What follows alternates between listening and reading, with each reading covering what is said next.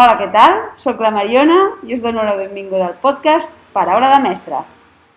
Avui tenim amb nosaltres a la Natàlia, infermera escolar. Hola, Natàlia, com estàs? Molt bé. Hola, Mariona. Sí, tot bé? Sí, molt bé. M'alegro. Bueno, doncs, si no dic res més, presenta't, endavant. Qui ets? Què fas? Vale, doncs jo sóc la Natàlia Colina, sóc infermera escolar des de fa 11 anys aquí a l'escola i fa 20 anys que, és, que treballo com a sanitària. I, bueno, també sóc vicepresidenta d'una associació, l'Associació Catalana d'Infermera i Salut eh, eh, Escolar, aquí a Catalunya i a nivell estatal també. I també formo part de la vocalia d'infermeria pediàtrica al Col·legi d'Infermers i d'Infermeres a Barcelona. Llavors, una mica activa. M'agrada molt això de la salut i, i sóc una persona força activa. Molt interessant, déu nhi sí, sí, estàs en molts fronts, veig. bueno, amb els que puc. Ara tocarem una mica, molt bé. I abans de, de començar, una mica la teva feina aquí a l'escola, quina és? Què fas a, a, a l'escola? Um, estic per si hi ha, per exemple, prioritari si hi ha alguna urgència, alguna emergència o alguna necessitat, no? Doncs podem pensar, amb alguna indisposició o amb algun accident. No? També per, per cobrir les necessitats sanitàries d'alguns alumnes, que algunes necessitats especials, eh, d'alumnes de totes les edats, com pot ser una epilèpsia o una diabetes o qualsevol altra cosa. També per fer suport a, als mestres, a tot el personal docent i no docent de l'escola. També controlem les medicacions, si hi ha malalties agudes i necessiten algunes cures puntuals, mm -hmm i intentem també fer molta promoció de la salut a dins de les aules, fora d'elles, fent tallers, participar en tots els àmbits de l'escola. Molta gestió, també intervenim amb... La idea és mantenir o, o tenir salut amb tota la comunitat educativa i això representa fer coses dins de l'escola amb entitats internes i externes i també fora de l'escola per donar continuïtat a això. Així que, bueno, faig una miqueta també el que puc en aquest sentit. Una mica aquest seria el resum. I uh, ara mateix en quines coses esteu posats fora de l'escola per això que ens deies de promoure la, la salut o d'anar fent? Sí, uh... per exemple, entitats externes com seria el centre d'atenció primària o, o, o agents també venen a fer, per exemple, promoció de la salut a fent titelles d'educació parental a l'escola, llavors amb aquestes entitats eh, ho gestionem. També venen del CAP a posar les vacunes, o ara mateix a fer proves de, de PCR per detectar si hi ha casos de Covid o no. Aquests serien alguns exemples. Però també des d'infermeria intentem participar, doncs això, fent feina dins de l'infermeria, no? Eh, fent feina també a, a les aules, fent feina també doncs, si hi ha alguna festa major de l'escola, doncs ser-hi presents d'alguna manera. O si hi ha, per exemple, a la Marató de TV3, intentar participar conjuntament amb aquesta activitat de tota, de tota l'escola i de fora d'ella. O, per exemple, campanyes de donació de sang, també vinculant a l'escola. O curses, eh, algun tipus de curses, doncs també intentant difu fent difusió, participant amb elles, creant grups, per exemple, el FEM Salut, participació de família, d'alumnes i docents, i a través d'aquest grup doncs, participar a la cursa, coses així. Una mica que la salut sigui una cosa del dia a dia, que no sigui només relacionant amb la falta de salut, amb un mm. accident, sinó que va més enllà i ser una figura de l'escola. Que els estar presents, no? Ah, exacte, que, que vegin la importància. Present, ah, exacte. O, per exemple, l'altre dia vas venir a les aules d'infantil a ensenyar-nos a rentar les mans, per exemple. Ara o a recordar-ho, no? Perquè sabem, però perquè reflexionin sobre què fem, com ho fem, per què ho fem, Clar. i que, que això, que vinculin totes, totes aquestes accions. Sí. I ara, ara ho has dit que amb el tema del Covid hi ha algunes coses més especials en aquest curs. Eh, com us heu trobat? Com s'ha gestionat tot plegat eh, des de la preparació abans de venir a l'escola, o sigui, de que els nens vinguessin a l'escola, coses més concretes que, que s'hagin de fer ara o que hi hagi situacions especials ara pel mm -hmm. Covid? Clar, ens hem, com tots, ens hem hagut d'adaptar molt. Llavors, abans de venir, elaborar un nou protocol de com es procediria a l'escola, itineraris i tot això des del punt de vista d'una persona que és sanitària i que tenim a dins de l'escola, llavors ajudar a elaborar protocols donant els punts de vista i adequant els protocols d'assistència a infermeria o d'atenció nostra dins i fora de l'aula de manera especial. Llavors, abans de venir era aquesta feineta. Un cop hem vingut, intentem respectar molt el que fèiem abans, doncs tot té sentit i les necessitats continuen estant, però també amb aquesta adaptació. I també hi ha una feina que és diferent, evidentment. Hi ha, ara es fa molt d'assessorament a, a, dins de la direcció de l'escola, a famílies, a docents, a no docents, als propis alumnes, i llavors molta feina de gestió també amb, amb, amb, amb aquest cas de control dels casos que, que existeixen, No. quina ha sigut la situació d'aquests casos, si hi ha implicació de la resta de grups, dels grups estables de convivència, com, bueno, doncs facilitant la realització de proves PCRs, que les famílies tinguin clar què s'ha de fer, què necessitem, les autoritzacions al dia, bueno, que tot resulti fàcil i còmode dins d'una escola, perquè clar, la figura d'una infermera escolar en una escola Ara, o sigui, si ja abans jo ho considero que era imprescindible, ara encara més, perquè, Mhm. bueno, és una facilitadora més, perquè no, no tenim menys coronavirus per tenir una infermera, però sí que la gestió és molt més fàcil. I de fet ens ha felicitat moltes vegades a l'escola perquè hem tingut pocs casos, no hi ha hagut contagi dins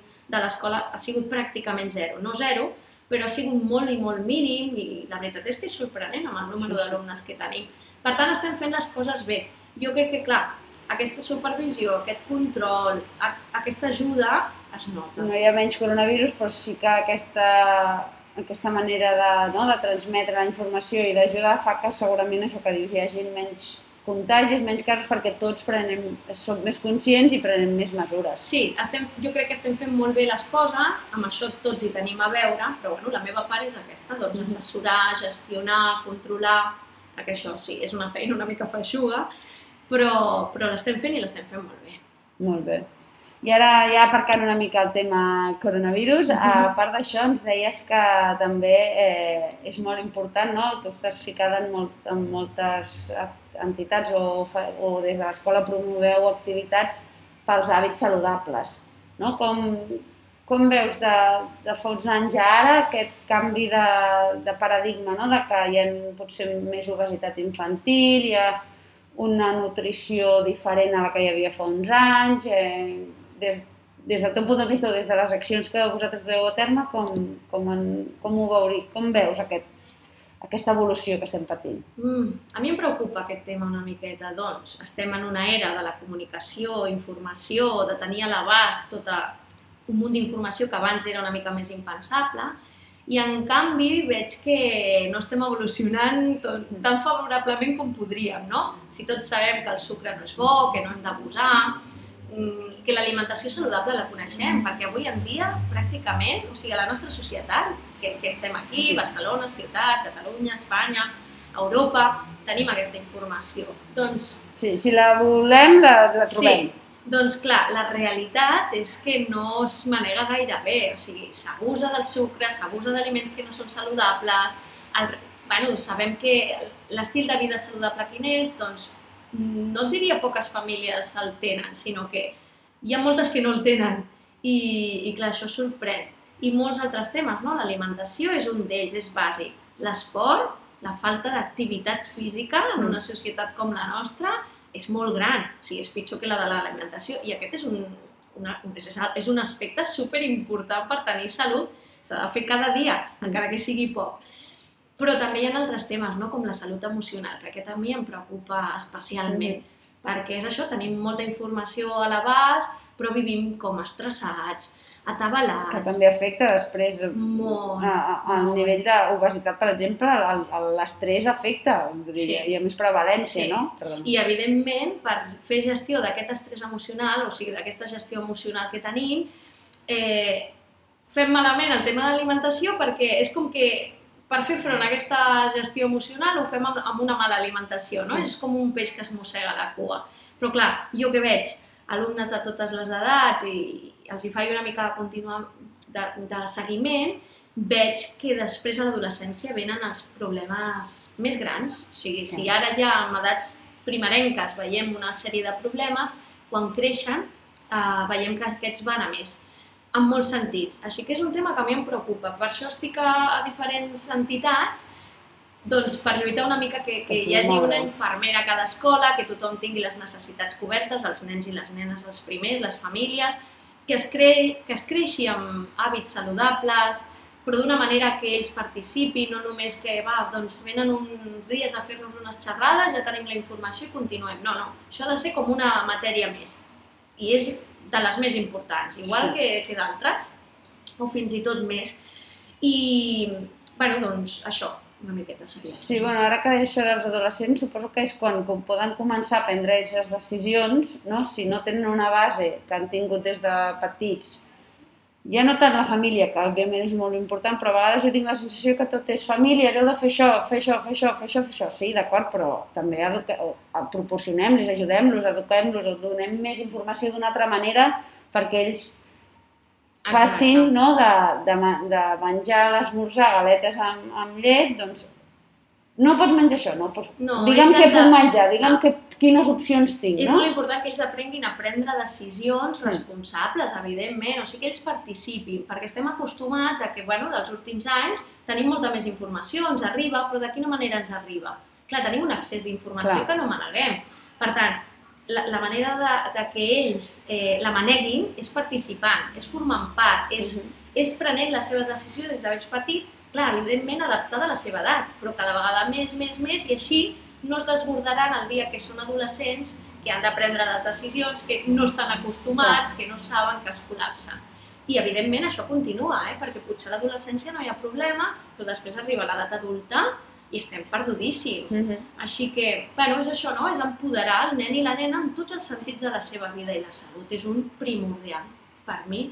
Sí, sí, dèiem això de la nutrició i, de, i que també has fet punts de l'exercici físic, jo trobo una miqueta el mateix, no? El, no sé com ho veus, el fet de doncs, venir a l'escola amb bici o caminant o amb el cotxe, o, o quan surto de l'escola vaig directament a casa i em poso amb la tablet, o, o, o vaig al parc i jugo, o ni que sigui eh, els caps de setmana, no? Com, jo penso que és molt important, no sé com ho veus tu, que a casa es fomenti Sí. fer activitats no només d'anar al cine, que també, sinó doncs anem a la muntanya a caminar, anem a fer una ruta amb bici. Sí. Per això et deia que em preocupa una miqueta perquè no veig que anem gaire cap aquí. Mm. Estem una mica allunyats del que seria com, com un, la base de la piràmide, que és la salut i aquí l'alimentació, l'esport, la salut emocional. I no, no ens estem encarregant gaire, perquè no seria només el cap de setmana, tu saps bé, hauria de ser cada dia, però bueno, podria formar part només el venir a l'escola caminant o amb bici i marxar. I això ja seria una activitat física diària. I després, evidentment, complementem el cap de setmana.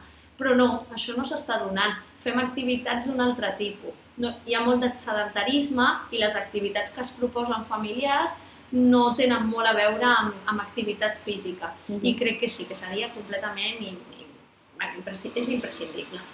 Bueno, a veure, mica en mica, si amb aquestes petites ajudes no? o, o difusions que, fem, que fas tu també amb aquestes entitats, eh, mica en mica va millorant. Jo tinc, jo tinc esperança. Jo també. No, perquè si no em col·lapsaria, eh? Perquè, sí, perquè m'ha agradat molt el que has dit abans, de que sí que hi ha molta gent, moltes famílies que no ho fan, però també n'hi ha d'altres que sí que ho fan. Sí, Llavors sí. jo crec que també entre tots eh, ens podem anar encomanant una miqueta. Sí. Jo crec que sí, perquè al final és, és pel benefici del nen, que és el que més estimem no? en aquesta vida, els nostres fills. Exacte, llavors ha d'arribar, perquè a vegades no és que no ho fem malament perquè no tinguem voluntat, moltes vegades és que no ho sabem, no ens ho Mm. qüestionem, anem tan ràpid que no hi pensem en aquestes Exacte. coses. I jo crec que tot el contrari, aquesta informació ha d'arribar perquè hem de saber que és important i hem de pensar-hi en ella cada dia. Mhm. A vegades fem coses pels fills i filles que pensem que és el millor i realment no ho és, així que qüestionar-se les coses és excel·lent. Ah, exacte, estic d'acord. Bueno, i ara per acabar volia fer-te una mica uh, libre, no? una mica de carta als Reis Mags. Si poguessis demanar una sola cosa de, del que tu vulguis, d'hàbits o de tema a dintre de l'escola com a infermera, quin, quina coseta voldries millorar o voldries implementar perquè encara milloréssim tots en, en salut? Una única cosa, Sí, no? si fossis, si fossis min, min- ministre de, de Salut. Clar, per mi, bueno, ja t'ho he dit, eh, i amb l'associació que faig, que formo part, jo crec que el meu desig seria que hi hagués una infermera a cada escola, perquè tots els nens i nenes tenen dret, o sigui, per què en aquesta escola sí, en una altra no, per tant, jo aquí, aquest seria el meu primer desig. I després, bueno, doncs jo ja hi confio que a partir d'aquí es comencen a moure més coses i, evidentment, una infermera a l'escola no fa res ella sola, però es construeix una xarxa que això sí que va canviant les coses mica en mica. Aquest seria el meu desig. Doncs intentarem treballar i, i fomentar que, que tothom senti aquest missatge no? per, per a veure si, si arriba. Molt bé, doncs moltes gràcies Natàlia per ser aquí. A tu, Mariona. Res més, fins aquí l'episodi d'avui, espero que us hagi agradat i ens escoltem a la propera. Abraçada!